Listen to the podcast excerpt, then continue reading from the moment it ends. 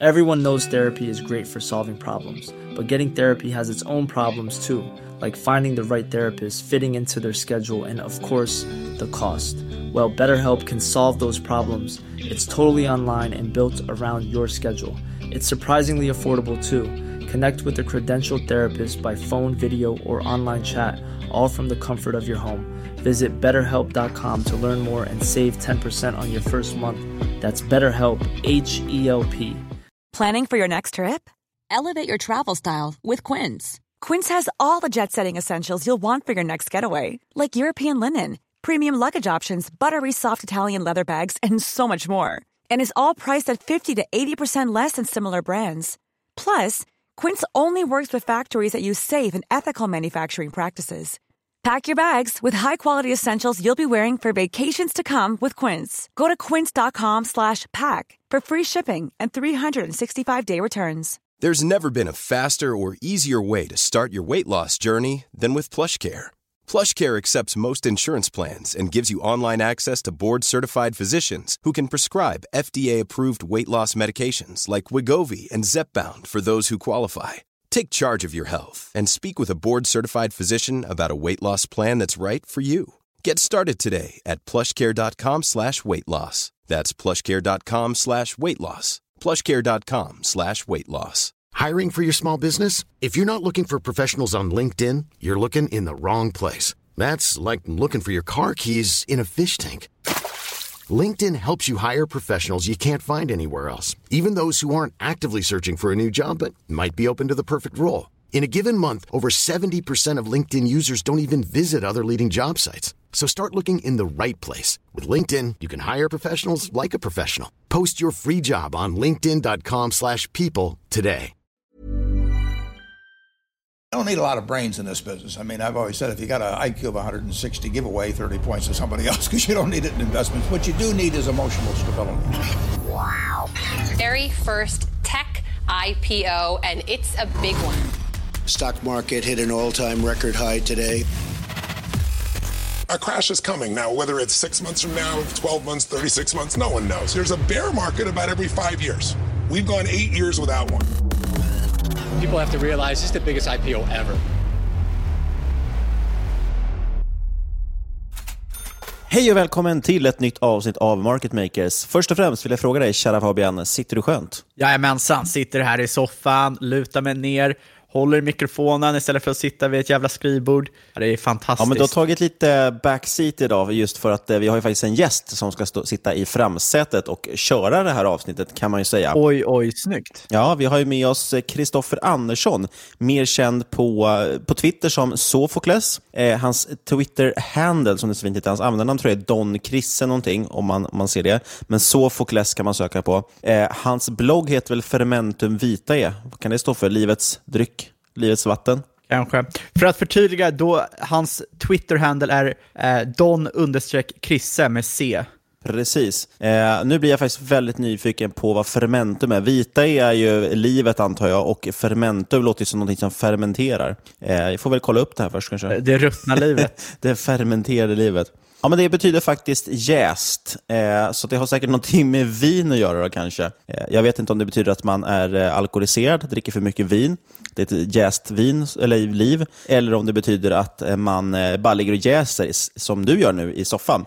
Oavsett vilket så är det i alla fall en bok om börspsykologi som vår kära Kristoffer ska släppa. Eh, och det är inte dåliga namn heller som har rekommenderat här. Vi har Niklas Andersson från Avanza, Halva Börspodden, Per Börjesson med flera, med flera. Men vi tycker att det mest imponerande namnet är på av de som då skriver att boken är bra, så att säga? Nej, ingen aning. Vem kan det vara? Mats Kviberg faktiskt. Det är inte dåligt. Oj, oj, oj. Jag har inte fått honom att läsa någon av mina böcker. Jag har andra sidan inte skrivit om boken. Men vi kommer bjuda in Kristoffer som sagt i podden och eh, det blir väldigt mycket spännande grejer allmänt om börspsykologi, allmänt om Kristoffers syn på många vanliga misstag och så vidare man gör. Och dessutom har vi massvis med Twitterfrågor med oss idag. Det är superkul. Jag älskar när folk skriver in frågor på Twitter och på mail. Men som vanligt... Med tanke på din kvalitet på podden så kommer du nog aldrig få Mats Kviberg att läsa din bok heller när du än skriver den. Nej, vi får väl se. Eh, jag, tror att, jag tror att Mats Kviberg, om han recenserade min, min blivande bok, så skulle han skriva den här boken är som man vill ha ett eh, HIV-test negativt. Det börjar bli lite running gag här i podden. Men som vanligt nu, innan ni lyssnar på Kristoffer så ska ni komma åt inte någon rådgivning eller rekommendation som pågår här. Vi berättar bara om vår process, hur vi tänker och vår gäst får, eh, vi tar inget ansvar så att säga, på investeringsbeslut som bygger på eh, något vi säger här i podden. Men nu kör vi igång och bjuder in eh, Sofokles. Då säger vi välkommen till podden, Kristoffer Andersson, även känd som Sofokles. Uttalar jag det rätt? Eh, ja, det stämmer. Och tack så jättemycket. Eh, Sofokles är väl eh, det uttalet jag fått lära mig sedan barnsben, men eh, man kan nog uttala det på många olika sätt. Hur kommer det sig att du har ett sådant namn och var kommer det ifrån? Det har att göra med mitt stora intresse för antiken och för eh, litteratur. Sofokles är ju känd för kanske, eh, det mest han är känd för är väl hans eh, drama om kung Oidipus Eh, som led av hybris och eh, som straff för det fick han ju sen skära ut sina egna ögon för han sa att när jag inte kan se sanningen, vad ska jag då med mina ögon till? Oidipuskomplex känner ju Fabian till väl? Okej. Vi ska inleda podden på det sättet va? Ja, det förstår jag. Nej, förlåt. förlåt. ja, så det är därifrån det kommer. Mitt intresse för antiken och just, jag tycker alltså att fabeln i det här dramat är så, hur fasen kan man komma på något sånt? Eh, riktigt bra. Ja, men spännande. Och hur ser din bakgrund ut? Vem är Kristoffer så att säga? Ja, vem är Kristoffer?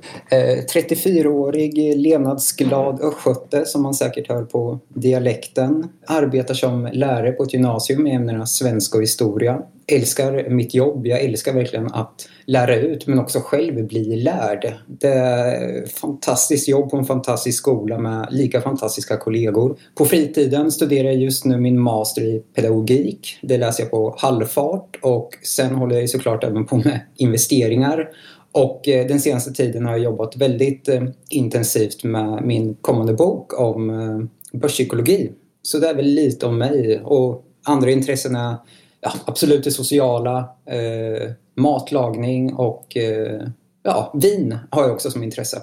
Ja, och anledningen till att du är med i dagens podcast, det är för att du har skrivit en bok. Eh, skulle du vilja berätta lite om den? Vad den heter, vad den handlar om och framförallt när den kommer ut? Boken är inriktad enbart på börspsykologi, så det finns ingenting här om någon sorts analysmetod eller hur man ska tolka nyckeltal eller andra viktiga eh, fundamenta som man ska ha med i sin eh, analysfas utan det här är enbart bara på hur hjärnan ställer till det för oss människor. Både i allmän, på allmänt plan men framförallt då inom investeringar.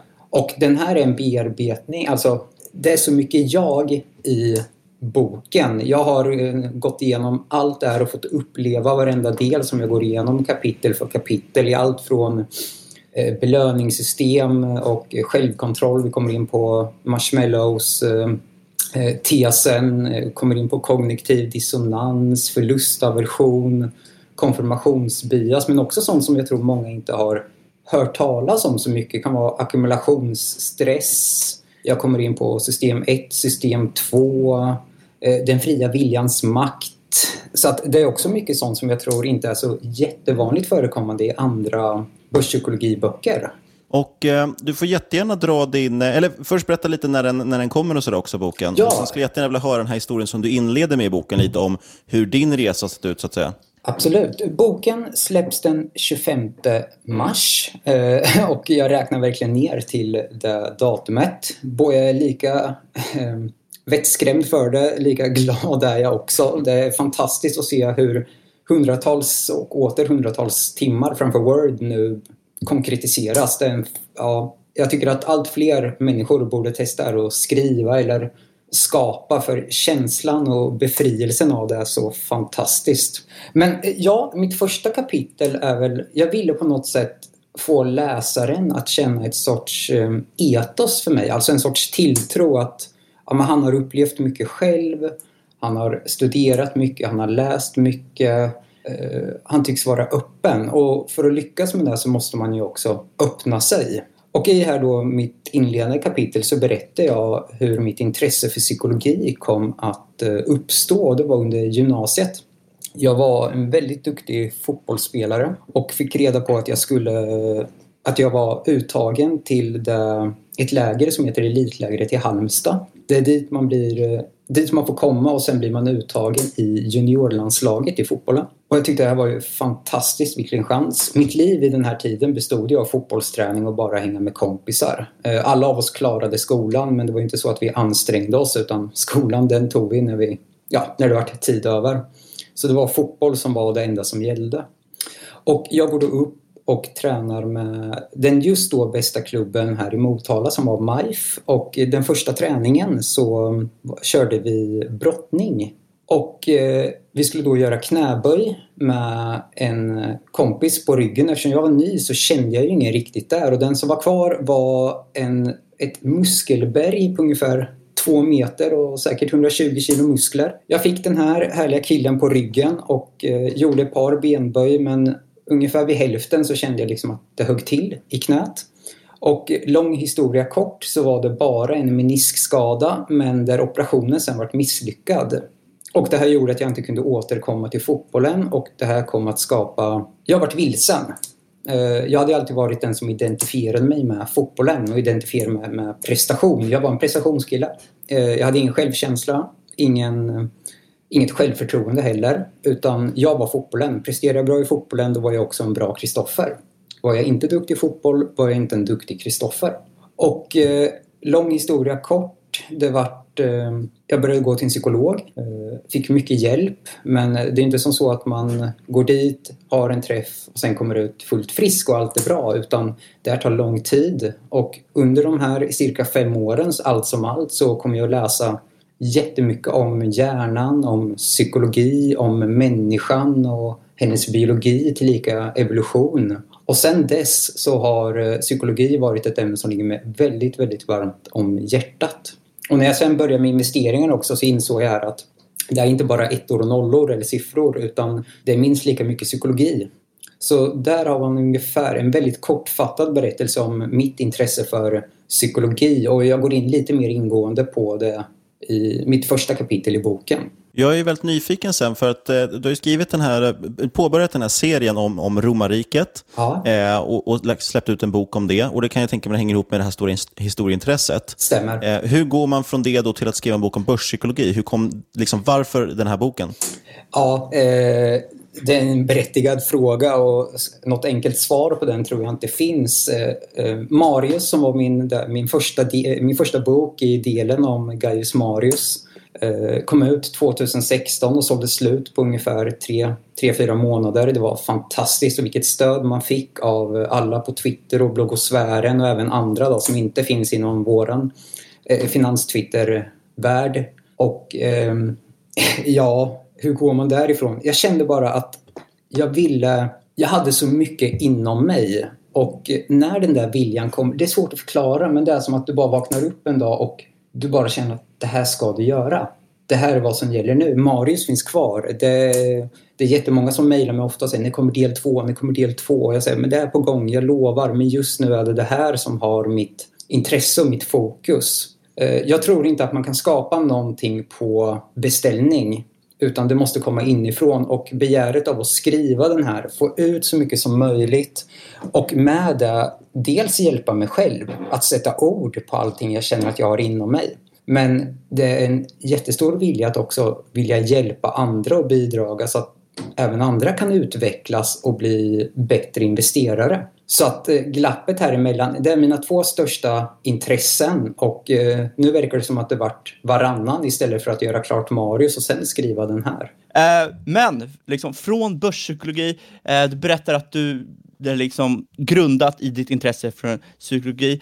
Men hur påverkar det här, det här ditt egna investerande? Hur ser ditt egna investerande ut och vad tänker du på när du själv investerar? Ja, eh, jättebra fråga. Eh, frågan är nog vad tänker jag inte på när jag investerar?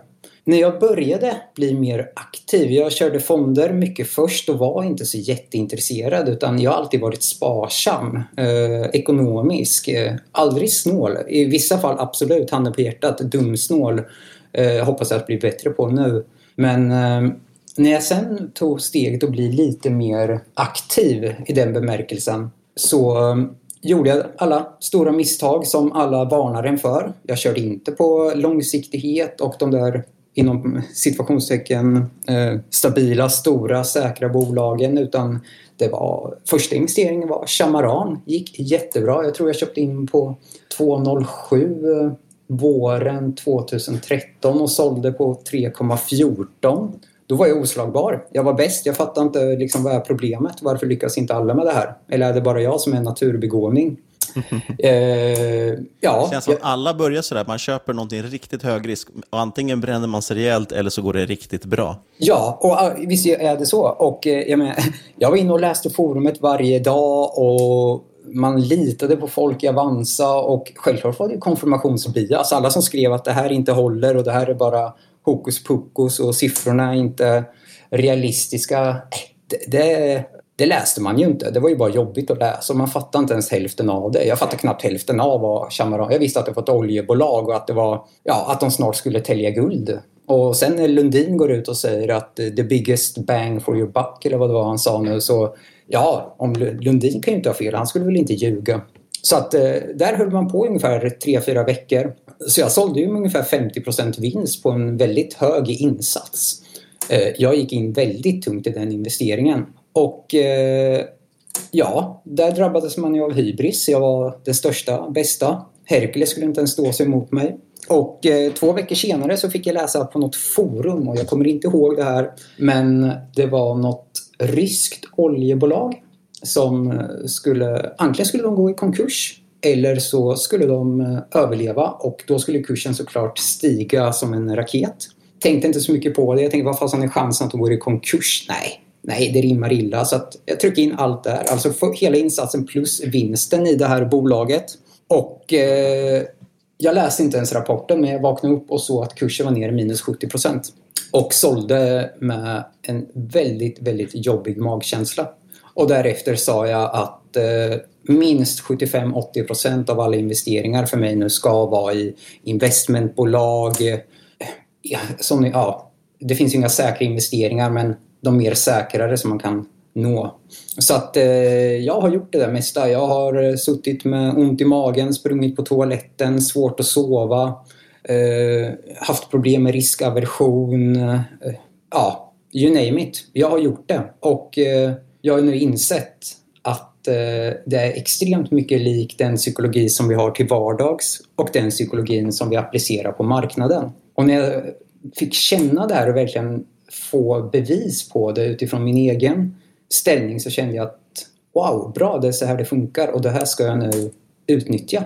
Och kan jag hjälpa andra så är ju det bara en vinst. Hur mycket tror du att man kan lära sig det genom att läsa och hur mycket måste man uppleva? För jag, jag tänker ibland, ibland är man inne i sådana här till exempel Facebookgrupper för små förhoppningsbolag och det är väldigt tydligt att alla de här människorna kommer antagligen bränna sig, eller de kanske har tur om de lyckas med tajmingen, men oftast kommer de bränna sig. Och det är mycket där, som du säger, confirmation bias, de är ofta någon sektledare lite grann och, mm. och alla som säger emot blir utkastade. Mm. Eh, men då kan jag ibland känna eller tänka liksom att ja, fast de kanske måste gå igenom det här precis som alla andra har gjort. För nästan alla har varit i den där eh, fasen. så att säga. Man måste nästan känna på det själv för att förstå det. Men samtidigt kan ju då böcker och så vidare hjälpa ändå att snabbare kanske förstå vad man gick igenom. Ja, jag, jag tror, där sätter du där tror jag verkligen du sätter, vad ska man säga, eh, spiken i kistan. Jag tror att även om man inte har gått på de här minerna och sen läser min bok så absolut minskar nog risken för att man trampar på en mina eller två. Men jag tror ändå att många kommer att göra det. Fördelen med att kanske ha läst boken innan eller efter är att, som du säger, man får ord på det. Man förstår varför det har skett och man förstår då, man lär ju känna sig själv under processen och vet då kanske hur kan jag undvika det här igen? Så jag tror att min bok, syftet har ju varit att det här är en bok som man inte bara läser en gång utan ha den hemma för att du kommer att behöva slå upp saker i den flera gånger. Uh, man skulle absolut kunna bara titta på innehållsförteckningen för att gå igenom att in, i min investering nu har jag drabbats av något av de här delarna som gås igenom. Eller då och då bara återgå till det när man känner att man är fast i någon sorts psykologisk fälla. Så att jag tror att uh, livets hårda skola måste vi alla gå. Men kan man mildra den skolan lite och processen i den så har läsning en väldigt stor fördel. Vad skulle du säga är den viktigaste lärdomen från boken? Oj. Eh, den viktigaste lärdomen det är nog det när jag går igenom det som Kahneman går igenom om hur hjärnan fungerar och system 1 och system 2.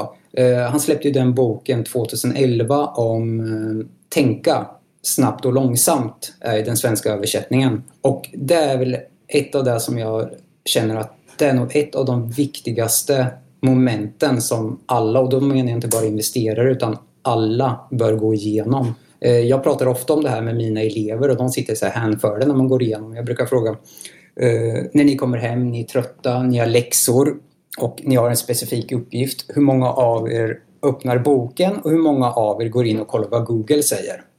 Eh, 90% brukar säga att de går in på Google, slår upp frågan, letar upp något svar, skriver ner det och sen tror sig vara klara.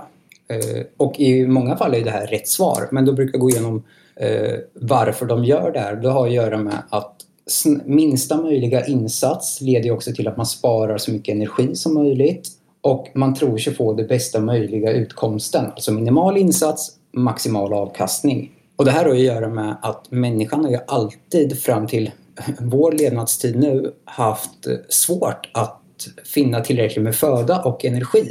Så vår hjärna lever ju fortfarande kvar för 30 000 år sedan när föda var någonting som man dödade för. Och således är hjärnan skapad att ransonera och hushålla på all energi. Vi tar genvägen till jobbet, vi sitter i soffan och eh, beställer hem pizzan, vi kör Netflix. Eh, nu kan du starta kaffet med en app.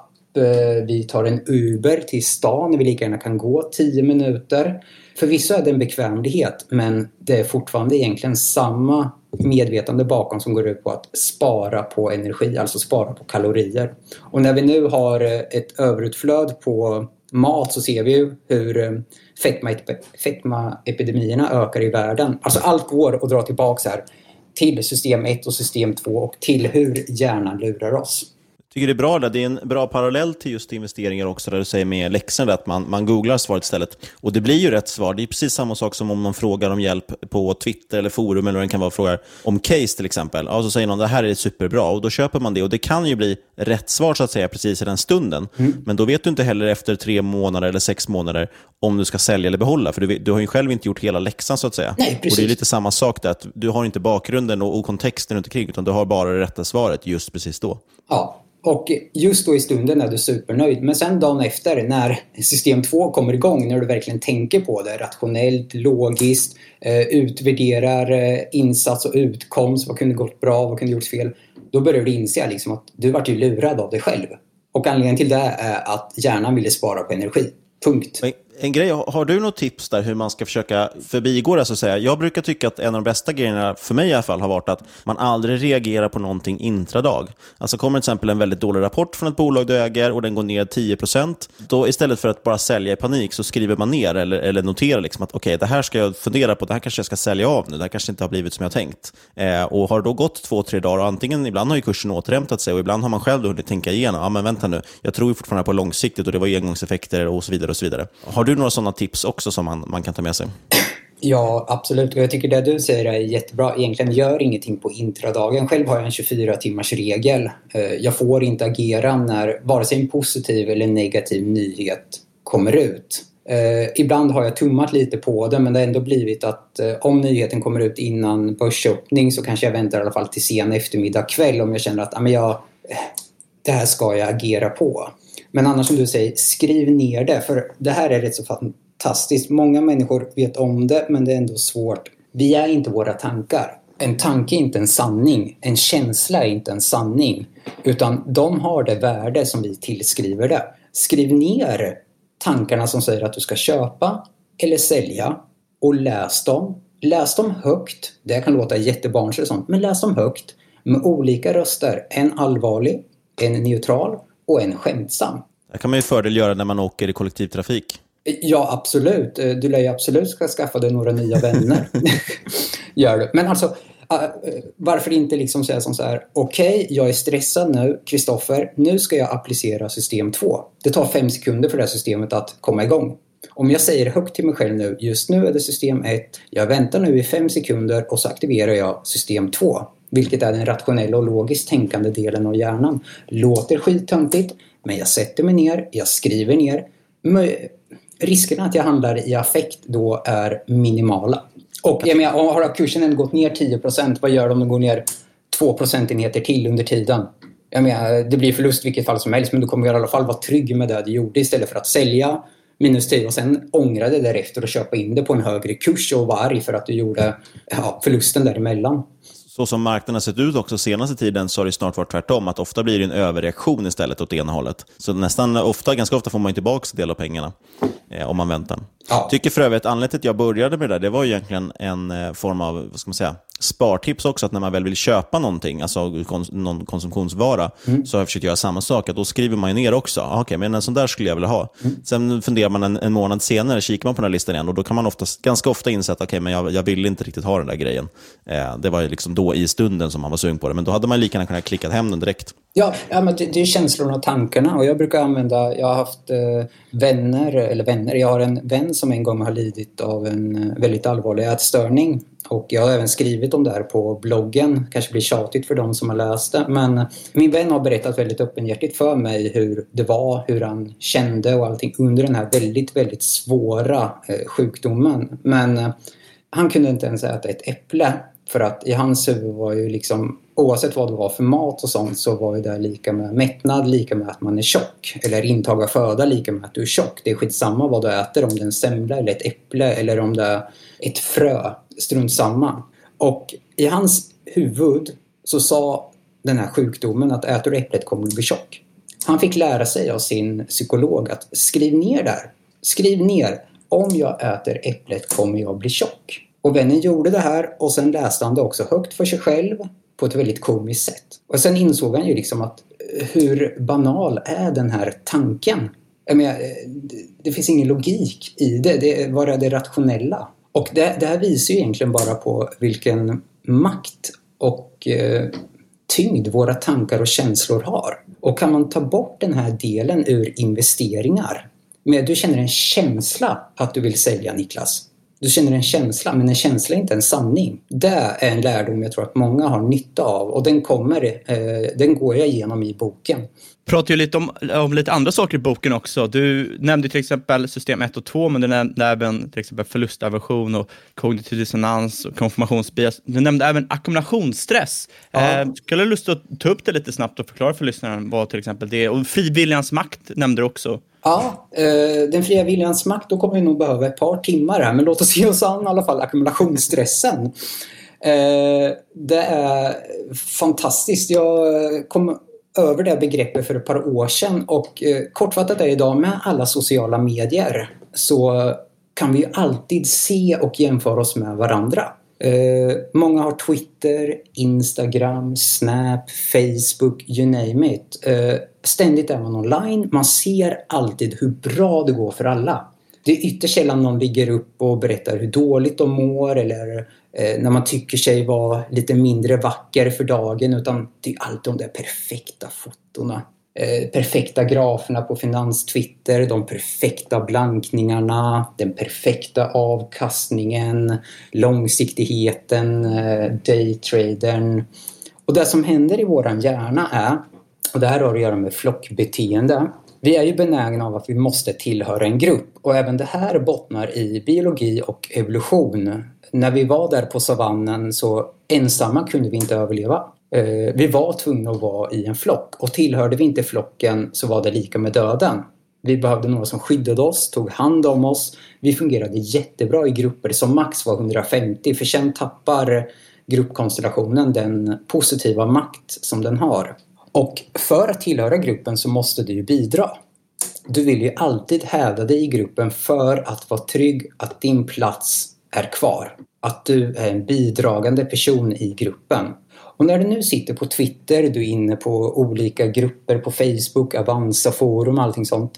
Då ser du där hur Kajsa, hon har ju världens bästa daytrader. Wow! Henne måste jag ta efter. Och jag ser eh, Stefan, han är ju fantastiskt duktig på att hitta blankningscase. Wow, det måste jag ta efter lite. Och där borta ser jag eh, Mohammed som är fantastiskt duktig på att handla oljeterminer och så fortsätter det och fortsätter och sen helt plötsligt går du in på Facebook och ser någon som är duktig på att eh, baka och du ska bli världens bästa eh, Eh, bagare. Därefter har du bestämt dig för allt som händer hela tiden är att du tar delar av varje person och deras personlighet, deras bra egenskaper. Och det som händer i hjärnan på ett omedvetet plan är att du konstruerar en sorts supermänniska. Låt oss kalla sig Frankensteins monster. Och det här monstret, den här supermänniskan, jämför du dig med.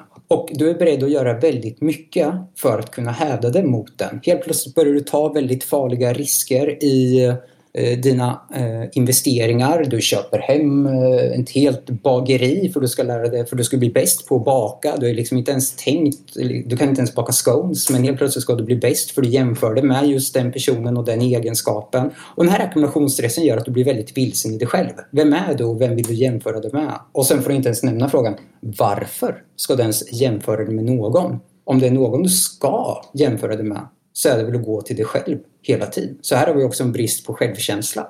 Så ackumulationsstress är att du tar de bästa delarna av alla som du ser som idoler eller dagligen ser och vistas med och så skapar du en supermänniska av dem. Och det här är en människa du aldrig kommer att kunna hävda dig emot. Men du kommer alltid att försöka göra det. Det där känner man igen mycket. Jag tycker, upplever dock att... Ja, det förstår jag. Du poddar med mig varje vecka. Men jag måste säga att det har blivit, på just finanstwitter faktiskt, så, så, tycker jag att det där har blivit lättare i alla fall. Kanske en själv som har gjort det lättare, men eh, att det, det, känns som det är lättare att glädjas åt andra på något sätt, eller upplever jag i alla fall. Jämfört med som du säger Instagram eller Facebook, eller något, då blir det ofta en jämförelse, medan jag känner mer och mer på, på Twitter just att, att man snarare blir glad när någon delar någonting, att det går bra. Eh, och sen så gillar man ju också någon som delar när det går dåligt. Jag brukar försöka dela mest det, känns det som.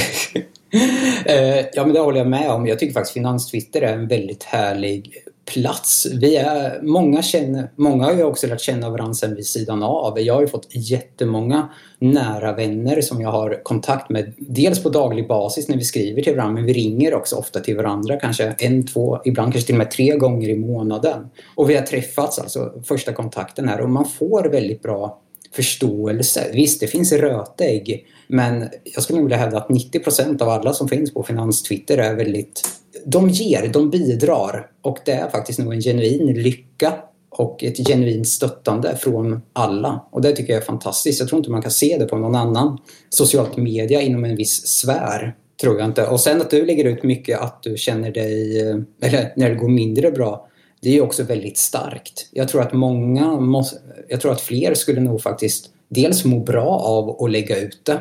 Eh, dels hjälpa andra som har det jobbigt att få se att det är ingen av oss som är perfekt.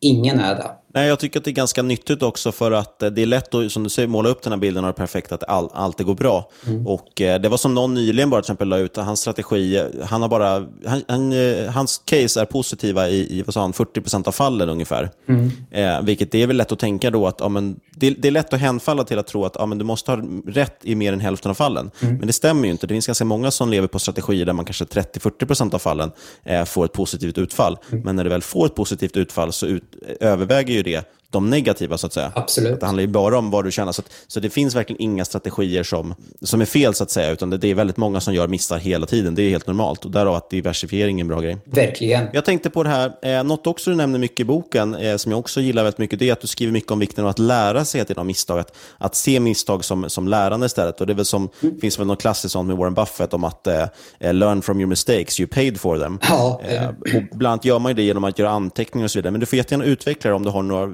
ännu liksom, bra tips och hur man ska tänka och göra här? Ja, eh, det är väl en klyscha att säga som att det finns eh, inga problem, bara utmaningar och utmaningar går att lösa.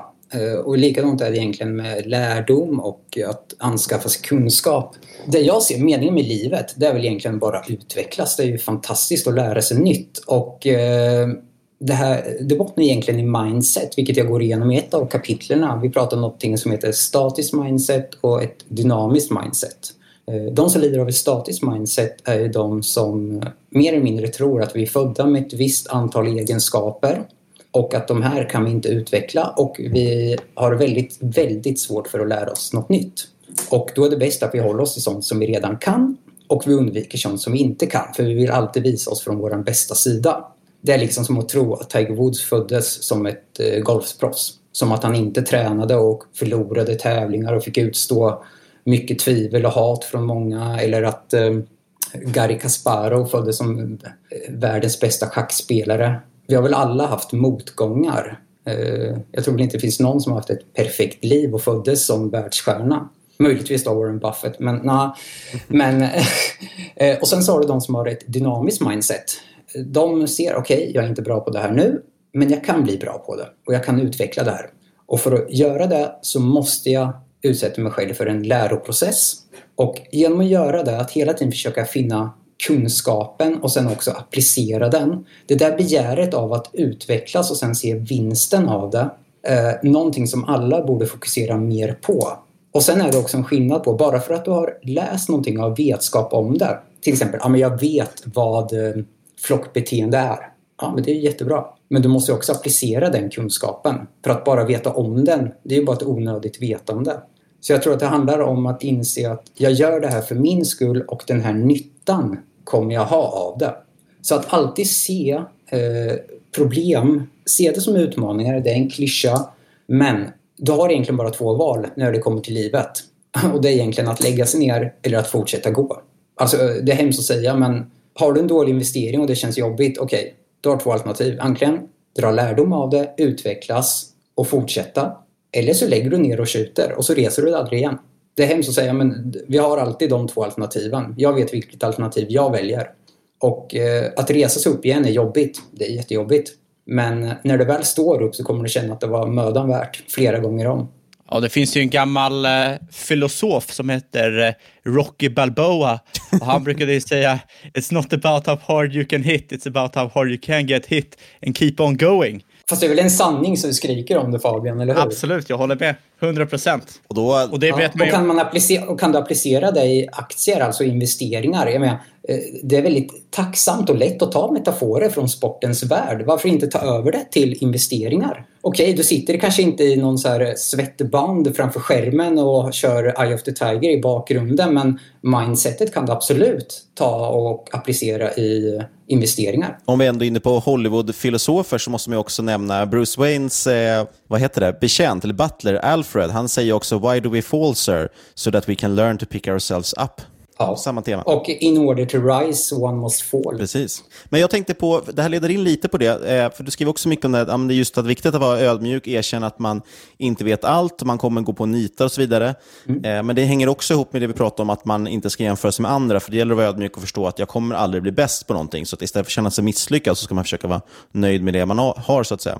Ja. Eh, något jag dock tycker alltid man kan brottas med, eller som är intressant, är att man får inte heller liksom vara för nöjd, för då kan man ju stanna i utvecklingen. Då kommer man ju säga, ja men jag, jag kommer inte bli bättre än så här, nu, jag är nöjd med det jag har.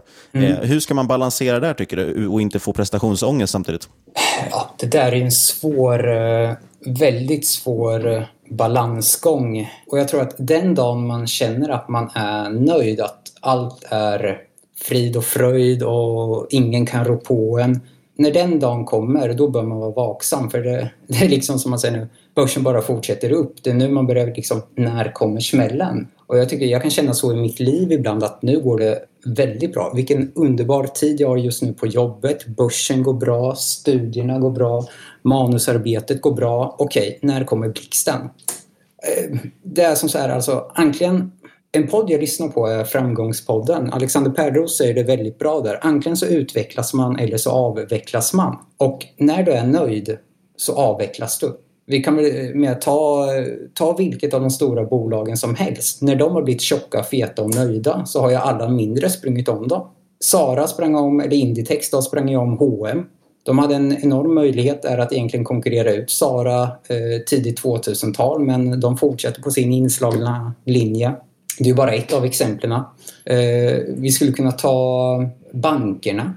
Om vi jämför nu när vi ser eh, nischbanker som Resurs, Collector, Avanza till viss del, Nordnet och så jämför vi dem med storbankerna. Storbankerna var tjocka, mätta och belåtna. De var nöjda. De satt där, mådde kanonbra. Och så ser vi just nu svart på vitt hur det går för dem och hur det går för de här mindre bolagen. Så eh, den dagen du känner dig nöjd, absolut, klappa dig själv på ryggen för det är du förtjänt av. Men eh, imorgon är det dags att ge sig ut i löpspåret igen. För annars kommer du avvecklas. Eller invecklas som jag och Fabian gör. uh, ja, det, jag säger... Uh, ingen... Det är en tuffare nöt att knäcka. Mm, det var det. Var det. Uh, jag, lämnar, jag säger ingen kommentar där. Ska vi ta och röra oss till lite Twitterfrågor? Vi har ju ändå en hel drös. Jag såg att det kom in. Ja, det var riktigt kul. Vad bra respons. Ibland, ja. Det där är verkligen hit or miss. Det händer ibland att vi tar in gäster och vi får noll frågor. Mm. Eh, och ibland bara rasar in. Så att, eh, nej, hoppa in på dem, det blir bra. Mm. Ja, men den första kommer från Hans Lindberg och han frågar om du skulle kunna berätta något som förvånar dig när du börjar läsa in dig i ämnet och skriva den här boken? Eh, ja, om det var någonting som kom att förvåna mig så var det egentligen hur hur vi ständigt blir lurade av oss själva. Man tror sig vara den smarta, rationella människan. Eh, liksom vi står på toppen i näringskedjan. Vi har konkurrerat ut alla hinder som finns. Men vi är egentligen väldigt naiva, blåögda, eh, godtrogna. Eh, Hjärnan lurar dig gång på gång på gång och så kommer du på det dagen efter. Så att liksom, ja, insikten i att vi är verkligen inte den kloka och rationella varelse som vi tror oss vara.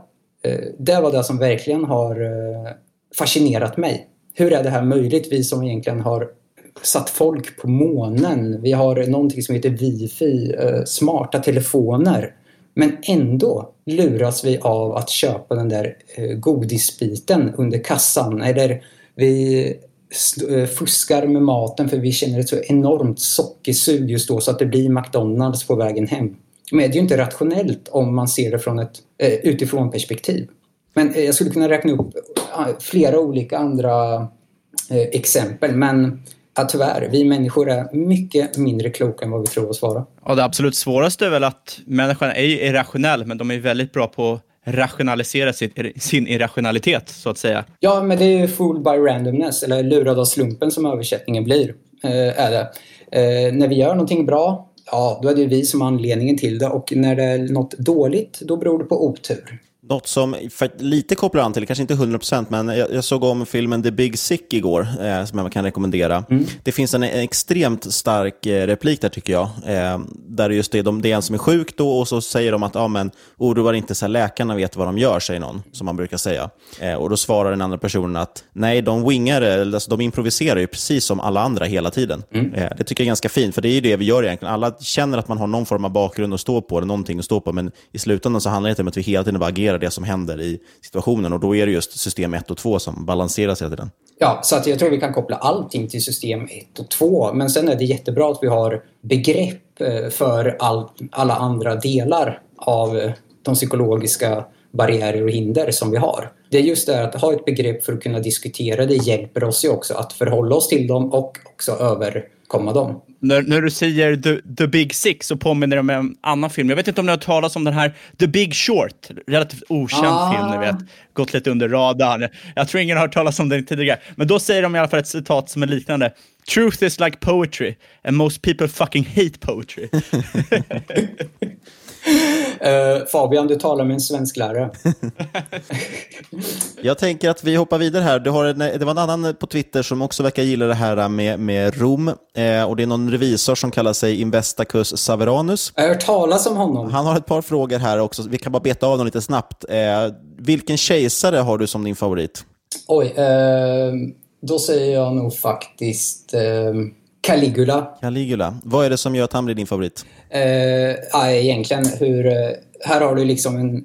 Om vi ska tolka källorna rätt så har vi här att göra med en eh, psykopat. Eh, han tillsatte sin egen häst som vice konsul och den här hästen var ju med bland annat när de låg där vid divanerna och åt och han instruerade ju alla sina närmaste senatorer och sånt att språka med hästen precis som att det var en människa. Och den som inte liksom levde sig in i rollen vart ju mm, avrättad. Lite inspiration för, för vår konstellation Fabian, ska vi fundera på. Eh, Håller med. Om du skulle få köpa en antikvitet från romarriket, vilken hade det varit? Eh, oj. Den hästen då kanske? Ja, möjligtvis. Uppstoppad? Ja, faktiskt. Jag ser Gudfadern framför mig, att jag får det där hästhuvudet i sängen när jag vaknar upp. Eh, men jag skulle nog vilja ta ett um ja, ett eh, gladius, alltså eh, legionärsvärdet. Mm. Eller det beror på vad man säger, svärd eller kniv, men ja, legionärsvärdet. Eh, ett grymt, hemskt men mycket effektivt vapen. Eh, och sen den så, frågan som kanske är mest intressant tycker jag, det är hur skulle Marius ha investerat? eh, ja, han är nog... Han är nog beräknande men han är också väldigt... Eh, är ingen person när han avancera framåt. På något sätt skulle jag nog vilja säga att vi har nog att göra lite med, vad heter han i SBB? Eh, VDn där som nu bara köper upp varenda fast... Ilja, Ilja Batjan? Ja, precis. Det är lite sån där liksom att... Eh... Sitter hans gamla hemkommun för övrigt just nu och spelar in? Ja, okej. Okay, ja. Eh, jag skulle nog säga att det är lite som där liksom att det finns ingen pardon utan eh, jag ska bara ha varenda fastighet och kosta vad det kosta vill. Och han verkar vara beräknande också så att vi får ju se var det här slutar. Men det ska bli väldigt intressant att se vart den här sagan om SBB slutar. Marius hade såklart klarat det men jag återstår att se hur det går för eh, Biljan här. Hur hade den här hästen investerat? Nej, jag skojar. Vi går vidare. Sen har vi en fråga från Gustavs aktieblogg, som även före har gästat podden. Och han frågar om det finns risk för bias uh, om man läser på för mycket om ett bolag och hur man då kan hitta balans. Ja, det där är jätteintressant. Jag brottas själv med den frågan uh, ideligen. Alltså, finns det en risk att man läser på för mycket? Uh, jag kommer inte ihåg vem som sa det. Var det Sokrates, kanske Platon? Att ju mer jag vet, desto mer inser jag vad jag inte vet. Sokrates man brukar man i alla fall tillskriva till. Ja, det var det va, tror jag. Mm. Ja. Eh, och det är väldigt talande för att vänder du på en sten så ligger det ofta två nya där. Och vänder du på de två så har du fyra nya. Det är alltid någonting bakom varje dörr. Och frågan är när ska jag sluta öppna de här dörrarna? Och jag tror att här får man nog gå till sig själv och ha en väldigt utarbetad eh, investeringsprocess. Att man har vissa checkpunkter som man bockar av och sen när de är avbockade så får man liksom, visst du kan fortsätta läsa eh, vilket jag tycker du ska göra, men försöka förhålla sig till en utarbetad strategi för annars kan du läsa in absurdum. Och eh, ofta brukar ju mer kunskap du har desto mer tvivel. Jätteintressant fråga men eh, ha en process och det vet jag att Gustav har, han har en väldigt fin process. Eh, håll dig till den men var också alltid beredd på att testa den och eh, utveckla den. Absolut. Sen tror jag också att det finns en stor risk att har man lagt mycket tid på att läsa om ett bolag så finns det så extremt stor risk att man verkligen vill att det bolaget ska vara bra, att man helt försöker bortse från riskerna man läser in sig på och försöker helt ställa in sig på att det här bolaget är väldigt bra för att man har lagt så mycket tid på att läsa in sig på bolaget. Sunken cost fallacy i någon Exakt. mån. Ja, Precis. Eh, och även en sak du säger där Fabian som är intressant. Jag kommer in, det är ett kapitel som handlar om det som heter skottomisation. Eh, vi ser vad vi tror att vi vill se och undviker att se det vi inte tror att vi vill se. Eh, jag, jag drar en parallell till många av oss som är födda under mitten av 80-talet, sent 80-tal, växte upp med bland annat Arkivex-serien som gick på TV4 en gång i veckan. Det var innan Netflix fanns och gav oss hela serieutbudet på en och samma dag. Eh, men Agent Mulder har ju en affisch där det står I want to believe. Jag vet inte, kommer ni ihåg att ni såg serien och den affischen? Jag har tittat väldigt lite på den serien, men den textraden är väldigt känd. Den och uh, The Truth is out there, va? Det känns ju som ja, de två klassiska precis. raderna. Ja, jag har kikat lite på serien. Ja, eh, men där, I want to believe. Om vi nu säger att jag är en som tror på ufon och utomjordingar. Jag ser något konstigt på himlen och tycker mig se det där måste vara något, kan det vara ett UFO? Det måste vara något utomjordiskt liv eller någonting. Därför att jag tror på det och jag ser vad jag vill tro. Medan ni två som är ute och traskar och tänker, ah, undrar vad det kan vara, kanske något plan eller någonting annat som kanske armén eller någonting testar.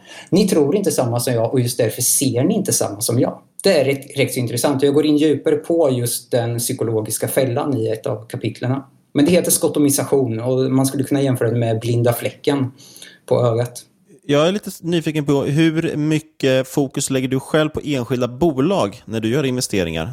Hur mycket läser du in på enskilda bolag, apropå den här frågan?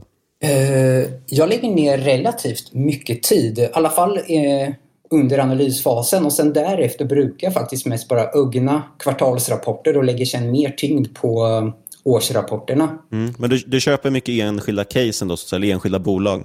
Ja, det, mm. det, gör jag. Men jag har en stabil bas i eh, investmentbolagen. Eh, de största bolagen hos mig eh, är Investor, Industrivärden, Latour. Men jag har också Creades och Bure. Ja, alltså jag har en, det ser jag som hela tiden som kärnan. Och det ska vara de som bär portföljen när ja, mina andra case kanske inte går så bra som jag först hade trott. Sluta jobba inom 55 säger Finns det något test eh, man kan ta för att se vilken typ av strategi som passar ens personlighet? Oj, eh, nej, det har jag, jag vet att många eh, mäklare har ju ett sånt här utbud man kan fylla i hur mycket man, när man har tänkt att använda pengarna, hur man ser på risk eh, och mycket annat. Men jag vet inte något sådant. Det skulle faktiskt vara någonting man skulle kunna utveckla kanske. Jag ska höra av mig till, eh, vad heter han, eh, Z2036, Stefan Telenius. Han kanske kan utarbeta någon sorts verktyg för oss där. Ja, jag, jag har en perfekt strategi faktiskt, om man inte vet, som passar en personlighet. Om man inte vet vad en strategi ska vara, om man inte vet hur man kan ta reda på det, då ska du hålla dig till indexfonder. Ja, den är riktigt bra. Eh, nackdelen är ju bara att index köper hela tiden de mest omsatta och just nu älskade bolagen. Eh, jag ser fram emot den dagen när någonting händer och eh, de här ska säljas av. Ja. Var finns de aktiva förvaltarna och aktiva spararna, på vilken kurs är de beredda att köpa? Vi såg ju där till exempel i Atlas Copco, eh, deras eh, Q4 när den kom, från 400 till ungefär 340. Där fanns de första institutionella köparna. Framförallt har de ju inte alls samma volymer, så det är svårt att stå emot de där flödena när det väl börjar sälja. Verkligen. Ja, eh, jag tycker indexfonder är en fantastiskt bra sparform och jag rekommenderar den till alla som frågar mig hur de ska komma igång. Och då säger jag, kör indexfonder och sen läs. Och eh, ju mer intresse du får, desto mer kanske du kommer övergå till eh, rena aktier eller kanske mer aktiefonder som Spiltan investmentbolagsfond eller globala investmentbolagen. Det finns ju jättebra fonder till väldigt billiga förvaltningsavgifter om man eh, vill liksom komma in på det här med, om man, om man kan acceptera lite pseudovetenskap så, så lovar jag att det finns garanterat guider till så här, vilken Myers-Briggs personlighet man har och då vilken investeringsstrategi man ska ha. Men eh, de, jag skulle gissa på att de är ungefär lika värdefulla som den här eh, eh, vad heter det? stjärntecken-appen vi tog upp, alltså astrologiinvesteringar. Det vill säga att man baserat på sitt stjärntecken så skulle man då välja bolag efter det. Jag, jag gissar på att det är ungefär samma nivå på de tipsen. Ja, jag tror det också kan säkert starta en sån app och få några 20 miljoner eller någonting i riskkapital. Ja, varför inte? Absolut. Sen har vi Mr. Mr. Feelgood frågar, hur investerar man om man är gammal? Ja, den första frågan är definiera gammal. Eh, den andra frågan blir när ska du ha pengarna? Eh, och den tredje frågan blir vad är syftet med investeringen? Är det att det ska generera kassaflöde i form av utdelningar eller är det mer tillväxt där du ämnar att sälja av? Jag tror att svaret på den frågan, det vet du faktiskt djupt inom dig själv och eh, sätt dig ner, ta ett glas vin eller en kopp kaffe. Skriv ner först och främst hur mycket vill jag satsa? När ska jag använda pengarna? Vad är syftet med investeringen? Eh, vilken risk är jag beredd att ta? Och jag lovar, och sakta men säkert kommer du få upp här svar på de här frågorna som kommer att hjälpa dig att ständigt hela tiden plocka bort bolag som finns på radarn och till slut kanske du kommer stå där med ett tiotal. Och då får du jättegärna återkomma med frågan. Skriv den gärna offentligt på Twitter eller skicka ett som meddelande till mig så lovar jag att bolla lite tankar med dig så att du inte drabbas av eh, till exempel eh, konfirmationsbias. Ska vi ta en till romare kanske? Ja, kör på Niklas. Man kan aldrig få nog av romarna. Ja, men ta den du Fabian. Okej, Spartacus. Han vill höra lite kring process versus utfall. Hur man ska tänka där i sin investeringsprocess versus vad man ska förvänta sig i utfallet. Jag försöker alltid vara väldigt ödmjuk i det. Jag är uppvuxen med devisen att räkna med det värsta, hoppas på det bästa. Och det betyder inte att jag investerar enbart utifrån hoppet. Men man ska ju inte tänka att nu har jag suttit så länge och jag har gjort världens analys nu måste det bara, nu kan det bara bli bra. Eh, det finns alltid en eh, svart svan som Taleb sa. Och eh, jag tror att man ska aldrig gå in och förvänta sig att det kommer att bli en realitet där man tror sig ha sett. Utan måste alltid vara beredd på att utfallet behöver inte korrelera med det utfallet man fick under sin analysprocess. Och att hela tiden också gå tillbaka till sig själv. Uh, varför gick det som det gick? Uh, och var det här någonting jag hade förutspått? Hur lyckades jag förutspå det här? Och har det gått mindre bra så får man se, försöka hitta varför gick det inte som jag trodde? Jag tror många är väldigt, väldigt duktiga på att hela tiden uh, gå, ställa de här frågorna till sig själv. Varför gick det inte bra nu? Och hur kunde jag missa det här? Och varför gick jag i den här fällan? Men det är ytterst få som också ställer de frågorna när det har gått bra. Det är egentligen då de är ännu mer viktiga att ställa. Här lyckades jag. Jag fick de här 50 procenten på ungefär ett år som jag hade analyserat. Hur kommer det sig att jag lyckades? Vad var de bra delarna som jag gjorde? Och hur kan jag utveckla dem ännu mer? Vi har en fråga från landstingslivet. Eh, jag vet inte exakt vad frågan är här, men jag tror att jag kan få fram någonting. Eh, han, belyser det här problemet med att designa studier kring psykologi och även då för investeringar, till exempel. Om en, mm. Det är svårt att designa sådana studier, till exempel hur ska man kunna randomisera två grupper av traders och så vidare. Mm. Eh, och Det för mig i alla fall in på tanke på det här med den så kallade replikationskrisen, det vill säga att väldigt många experiment, framförallt då inom liksom mjukare ämnen såsom samhällsvetenskap och sådär, mm. har ju visat sig inte gå att återskapa alltid med samma resultat. Det är en ganska stor andel som inte gör det. Mm. Eh, just inom psykologi är det jättestort och många studier vi byggt liksom, den moderna psykologin på har visat sig att man in, ja, men de går inte att replikera helt enkelt.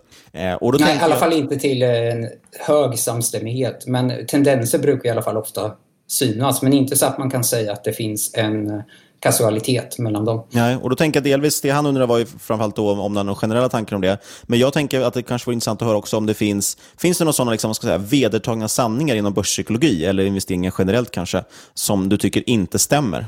Som inte stämmer? Mm. Svårt att säga, men jag liksom Nej, jag tycker att mycket, allt av det jag har läst vill jag nog säga att jag tycker att det, det finns ett fundament för att hävda att de här är en sorts sanning eller i alla fall gällande. Eh, sen kan vi bara gå till oss själva och säga vilka man tycker är mer starka och mindre starka. Och här har det att göra med dina egna erfarenheter, miljö, eh, uppväxt eh, etc.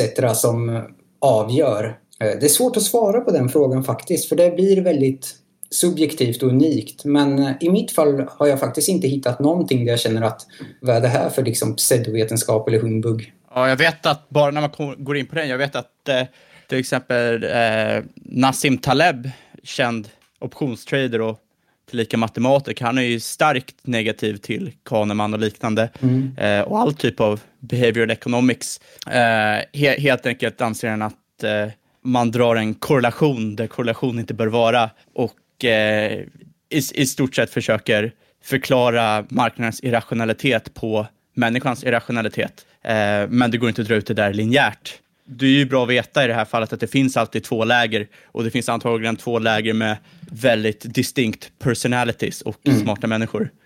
Det är svårt. Så att, jag tror det handlar om vem du väljer att tro på. Det är svårt också, just eh, Taleb balanserar ju på en hårfin gräns mellan geni och galenskap också. jag tycker att han är ibland väldigt svårtolkad och ibland känns det som att han mest är arg för att han är arg.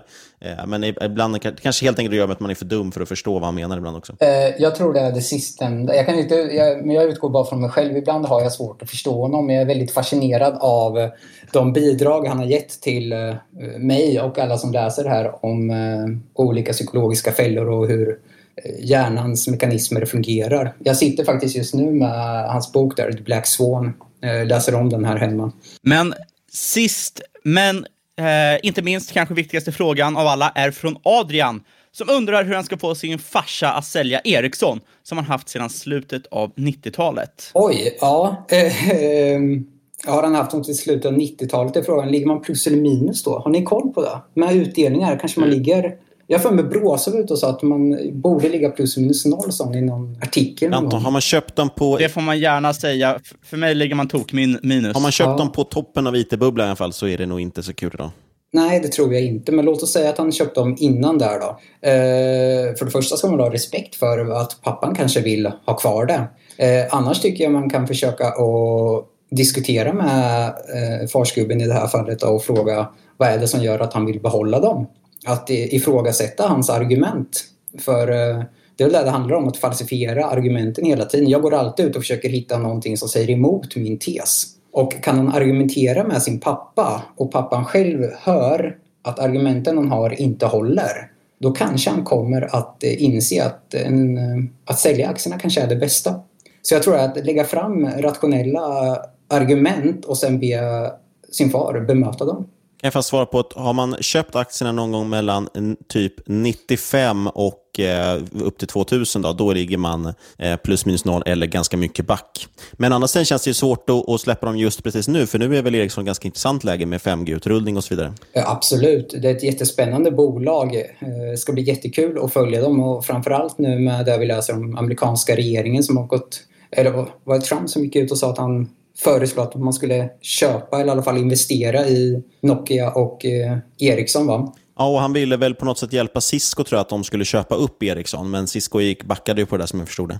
Ja, eh, det stämmer. Ja, intressant att se vad som händer men eh, som många säger, jag tror inte vi kan föreställa oss vad 5G kommer att göra. Och det kommer nog inte rullas ut på ett eller två år utan jag tror det kommer dröja en tre, fyra år innan vi bara får se början på det. Jag tänkte innan vi hoppar in på våra snabba frågor här så vill jag bara sist också, eftersom du ändå nu gett ut två böcker, mm. eh, vad är ditt liksom bästa tips till någon som själv sitter och funderar på att ge ut en bok? Hur går man tillväga? Ja, eh, man brukar säga att ungefär en procent av alla inskickade manus blir utgivna, så det är väldigt svårt att lyckas slå sig fram. Eh, min första bok om Marius, den körde jag en Kickstarter med. Och har man ett sånt fantastiskt stöd som jag hade så går det ju att lyckas. Men det första är alltså skriv. Bara skriv. Eh, du måste ha tro på dig själv och eh, det är en väldigt jobbig process att skriva. Det är inte bara en timme om dagen och det ser snyggt ut, du sitter med din kaffelatte och sitter och filosoferar och sånt utan det kan vara väldigt många timmar i rad som resulterar i väldigt ont i ryggen, väldigt många toabesök för allt kaffe du dricker och sånt. Eh, det är ingen sparad krona i alla fall kan jag säga på toalettpapper då. Eh, men eh, jag skulle säga skriv, skriv, skriv skicka in till, bolag, till förlagen och ring upp dem. Skicka inte bara ett mejl och sen tro att de kommer att höra av sig utan Visa att du verkligen tror på dig. Var den där jobbiga som är sig med jämna mellanrum och bara kolla läget och visa att du finns. Det, det, är en så tuff bransch idag. Så att du måste slå dig fram med både näbbar och klor. Och nu börjar vi närma oss lite slutspurten i den här intervjun och då tänkte vi plocka fram vårt eh, gamla redskap som varit med från ända från start och det heter Några snabba. Och vi ska helt enkelt slänga ut ett ord eller en mening och du får förklara det första som kommer in i ditt huvud. Oj, bra? Aha, oj, ja. Eh, Okej, okay, ja, kör på. Du behöver inte vara rädd. Vi är väldigt snälla i den här podden tills du säger fel och då är vi på dig som Då smäller det fort. Ja, då smäller det fort. Okej, okay, ja. Eh, första jag säger är guld. Eh, aldrig i livet. Oj, det var starkt. Varför inte? Eh, ja, eh, absolut, det är väl en säker tillgång. Men när jag bara utgår från mig själv så tänker jag att eh, jag är 34 år. Jag kommer ha mycket, mycket mer avkastning av att vara exponerad mot börsen under en lång tid. Jag låter guld vara till alla gangsters och rappare så kan de hänga där runt sina halsar. Din favoritgladiatortyp? Oj. Eh, en, är du inspirerad av Investacus igen, här revisorn? Ja, eh, jag har tappat bort det. Murillo Marmorid, eh, de som har eh, nätet och treudden. Mm, Murillo tror jag det är. Ja, jag skulle också säga dem med nätet. Ja. De är fan balla. Fast jag tror att de dör jävligt snabbt. Alltså. Eh, ja, absolut. Det gör de. Men de dör ju med, med stil i alla fall. Fabian är ju en så kallad andabata. Det är ju en gladiator som slåss i blindo. Ja. va, va, va, gör han det på börsen menar du? Ja, jag är en sån... Ja, ja, jag är en EQS. För det ska ju då i plural har jag läst säga equities. Eller stavas på samma sätt som equities. Det tycker jag är coolt. Eller den här som heter provokator. Va, vad var Russell Crowe för någon? För jag vill vara, vara honom. Han var, han var ju egentligen ingen av de där typiska, va? Han var bara Russell Crowe. Okej, okay, men jag, jag tar Russell Crowe. men det är ju fusk. Det är ju fusk. kanske måste hitta på någon ja. slags eh, lite latinsk variant av det. Ja, det tycker jag får bli en läxa för dig Fabian. Till, nästa, till, ja, till nästa poddavsnitt så ska du faktiskt ha kommit på ett eh, begrepp som jag sen ska få godkänna innan eh, det får bli användbart. Ja, nu när vi ändå är inne på romartiden. Eh, vad tycker du är den bästa filmen, boken, serien eller kanske till och med podcasten om romartiden? Som du själv inte har skrivit eller varit liksom, deltagit i att skapa. eh, oj, alltså det finns för mycket när det kommer till film och serie. Men serie vill jag slå ett slag för eh, Rome. Jag tror det var BBC som gjorde den. Släpptes eh, tidigt 2000-tal. Kan det ha varit 2002, 2003, 2004. Fantastiskt bra serie om eh, ett par legionärer i Caesars armé. Eh, Gladiator är ju fantastiskt bra film eh, på alla sätt och vis. Soundtracket är ju outstanding. Jag hade faktiskt det i bakgrunden med Hans Zimmer när jag skrev mycket av eh, den här psykologiboken faktiskt. Eh, jag tycker Hans Zimmers musik är fantastiskt bra. Böcker, svårt att säga. Conny Gulden och hans Kejsarserie är ju riktigt bra. Men jag vill faktiskt slå ett slag för både Steven Saylor som skriver mer deckare som utspelar sig under antiken och i romarriket. Men också Robert Harris eh, trilogi om Cicero. Den är riktigt bra. Gedigen forskning där bakom också. Och vill du läsa mer faktabok där du får romarriket väldigt pedagogiskt förklarat så är det ju Mary Beard eh, och hennes SPQR. Hon är också känd för att ha gjort väldigt många dokumentärer för bland annat BBC. Eh, som man säkert kan hitta också både på Youtube och eh, på någon streamingtjänst. Solida tips. Jag håller på med Conny Guldens kejsarserie där just nu själv faktiskt. Den är, är riktigt bra. Vilken, Jag är på, för, jag är på vilken- första fortfarande. Nu, Ja, när, den unge Caesar. Exakt. när vi ändå är inne på här skulle jag lika gärna kunna slå två tips också. Och det första är podcasten The History of Rome av Mike Duncan. Ja, absolut. Bara 179 avsnitt, så det går snabbt att lyssna sig igenom. och sen eh, har vi även eh, en gammal favorit som jag tipsade om förut. Det är Dan Carlins Hardcore History. Han har en serie som kallas Death Throes of the Republic och det är i stort sett slutspurten av eh, det klassiska romarriket. Det är en fascinerande tid. Jajamensan. Nobelpriset i litteratur eller Sveriges riksbankspris i ekonomisk vetenskap till Alfred Nobels minne? Oj, eh, Nobelpriset i litteratur, alla gånger. Eh, jag är ingen ekonom av något slag, men däremot älskar jag att skriva. Så att det skulle vara en ära. Vilket klingar bäst tycker du? Nobelpriset i ekonomi eller Sveriges riksbanks pris i ekonomisk vetenskap till Alfred Nobels minne? Nobelpriset i ekonomi, va? Ja. Eh, Klingar någonting positivt med Riksbanken? Jag vet inte. Ja, det är frågan. Sen har vi lite av en modefråga här. Det har lite med Riksbanken att göra också och det är Ingves, med eller utan mustasch? Med eller utan hår? Det är ju inget val. Eh, du, den där frågan, eh, är det en kuggfråga eller? Självklart utan. Med mustasch. Med mustasch. Eh, vintips. Oj, eh, jag drack ett fantastiskt gott vin med ett par vänner som jag faktiskt lärde känna på Twitter och sen dess har det varit mitt favoritvin. Eh, eh, Chateau Musar, eh, årsgång 2006. Fantastiskt god. Vi drack det på en restaurang som jag varmt kan rekommendera som heter Taboli, eh, söder i Stockholm. Ja, den, den känner jag igen. Jag trodde du skulle rekommendera Chateau Latour. Det hade ju passat med temat, men de är ganska dyra också. Ja, det är de. Och eh, vi ska inte göra smygreklam här för ett av Sveriges finaste investmentbolag. Och sen, favoritbok inom psykologi. Och det behöver inte vara kopplat till ekonomi, det kan vara vad som helst, förutom din egna. Jag måste då säga Tänka snabbt eh, och långsamt av eh, Kahneman. Det är en bok som jag håller varmt om hjärtat. Vad är din bästa respektive sämsta investering och framförallt, vad har du lärt dig av dem? Min bästa investering eh, skulle nog vara många av dem jag har idag, alltså investmentbolagen. Det, det är en sak att läsa om det där och spara långsiktigt och att en dag ingen dag men i slutet på år så kommer du se att stabilitet lönar sig. Så jag skulle säga att de bästa investerarna, jag ligger inte mest plus i dem utan då har jag andra bolag där jag ligger mycket, har mycket mer positiv utveckling.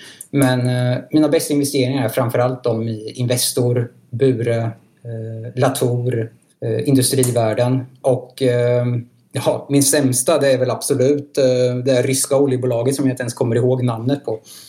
Och eh, jag har inte förträngt händelsen men jag har förträngt vad bolaget hette. Ja, Jag har förträngt många händelser i mitt liv. Det märkte jag när jag var inne på Avanza här om veckan och satt och kollade igenom gamla bolag och bara, åh helvete har jag ägt det här bolaget? ja, eh, den, sådana ögonblick har jag faktiskt inte men det skulle vara intressant att höra vilka känslor som kommer hos dig då och tankar Fabian. Nej, man blir bara trött på sig själv. Ja, det blir man väl alltid. Men, eh, vad följer man dig bäst? Eh, Twitter, är det bloggen, eller är det Facebook, är det ditt telefonnummer? Eh, ja, alltså jag är- försöker vara så öppen som jag kan men ändå hålla mig till vissa få medier. Så att jag finns ju på Twitter och eh, så driver jag också bloggen Fermentum Vitae. Eh, och det är där man når mig. Eh, skicka meddelanden till mig för jag har det öppet för alla. Jag försöker att svara så många jag kan. Jag tror aldrig jag missat att svara någon, även om det kanske får dra ut lite på tiden. Det finns kontaktformulär på min blogg. Då får du kontakt med mig direkt. Eh, Så ja, Twitter och bloggen är väl framför allt. Och vi länkar ju dem förstås i avsnittsbeskrivningen, brukar vi alltid göra. Så det är bara att gå in där och klicka så kommer ni hitta Kristoffer på både Twitter och bloggen. Eh, vi vill säga stort, stort tack. Är det någonting sista du skulle vilja tillägga innan vi eh, lägger på här? Nej, jag skulle vilja tacka så jättemycket att jag jag fick eh, vara med och tack till alla som har eh, stöttat mig under processen och alla som hela tiden har sagt att de tror på mig. Det är ett fantastiskt eh, universum som vi vistas i och att vi fortsätter att se till att det ska vara lika härligt och givande som det är idag. Då säger vi stort tack. Coolt. Tack. Härligt. Då så, då var vi tillbaks i tryggheten och du är tillbaks i soffan Fabian. Skönt för dig. Jajamensan. Jag, Eh, kan ju, jag kan ju påpeka att jag satt ju inte i soffan när jag spelade in den här podcasten. Då var jag ytterst fokuserad. Otroligt att du kan röra dig liksom i tid och rum nästan. Ljusets hastighet, Eh, jajamän. Det är som att det vore inspelat vid två olika tillfällen. Helt otroligt. Nej, det skulle det aldrig vara. Det här är live. Det kommer, ligga, Alltid live. det kommer ligga en massa länkar här nere i avsnittsbeskrivningen till boken, till eh, Don Krisse, till hans blogg och så vidare. och så vidare. Men innan eh, vi går vidare med våra liv så vill vi påminna om att inget hört den här podcasten ska ses som rådgivning. Alla åsikter, våra egna eller vår gäst och eventuella sponsorer tar inget ansvar för det som sägs i podden. Tänk på att alla investeringar är förknippade med risk och sker under eget ansvar. Men vill ni gagga lite med oss så kontakta oss jättegärna på podcast@marketmakers.se eller på Twitter at marketmakerspod. Och ni får jättegärna lämna en recension på iTunes, det betyder jättemycket. Och som sagt, tagga oss, sprid det till dina vänner och bekanta, det gör oss jätte, jätteglada. Och varför inte tagga in och skicka lite tips på fler gäster? För att vi vet ju att ni uppskattar gästavsnitt, även om ni såklart mest vill ha mer av oss. Men eh, ni kan i alla fall eh, rekommendera gäster om ni kommer på några. Vi ska inte dra ut på det. Sist men absolut inte minst vill vi säga stort, stort tack för att du har lyssnat, kära lyssnare. Eh, vi hörs igen om en vecka. Ha det bra.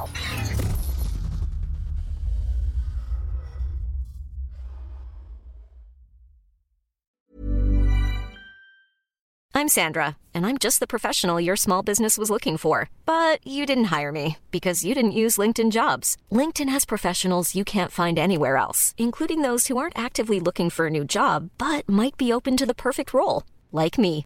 In a given month, over 70% of LinkedIn users don't visit other leading job sites. So if you're not looking on LinkedIn, you'll miss out on great candidates like Sandra. Start hiring professionals like a professional. Post your free job on linkedin.com/people today. A lot can happen in the next three years. Like a chatbot may be your new best friend. But what won't change? Needing health insurance. United Healthcare Tri Term Medical Plans are available for these changing times. Underwritten by Golden Rule Insurance Company, they offer budget friendly, flexible coverage for people who are in between jobs or missed open enrollment. The plans last nearly three years in some states, with access to a nationwide network of doctors and hospitals. So, for whatever tomorrow brings, United Healthcare Tri Term Medical Plans may be for you. Learn more at uh1.com. Quality sleep is essential. That's why the Sleep Number Smart Bed is designed for your ever evolving sleep needs. Need a bed that's firmer or softer on either side? Helps you sleep at a comfortable temperature? Sleep Number Smart Beds let you individualize your comfort so you sleep better together. JD Power ranks Sleep Number number 1 in customer satisfaction with mattresses purchased in-store. And now, save 50% on the Sleep Number limited edition Smart Bed for a limited time. For JD Power 2023 award information, visit jdpower.com/awards. Only at a Sleep Number store or sleepnumber.com. Everyone knows therapy is great for solving problems, but getting therapy has its own problems too, like finding the right therapist, fitting into their schedule, and of course, the cost. Well, BetterHelp can solve those problems. It's totally online and built around your schedule. It's surprisingly affordable too. Connect with a credentialed therapist by phone, video, or online chat, all from the comfort of your home. Visit betterhelp.com to learn more and save 10% on your first month. That's BetterHelp H E L P. Burrow's furniture is built for the way you live. From ensuring easy assembly and disassembly to honoring highly requested new colors for their award-winning seating, they always have their customers in mind. Their modular seating is made out of durable materials to last and grow with you. And with Burrow, you always get fast, free shipping. Get up to 60% off during Burrow's Memorial Day sale at burrow.com slash ACAST. That's burrow.com slash ACAST. burrow.com slash ACAST.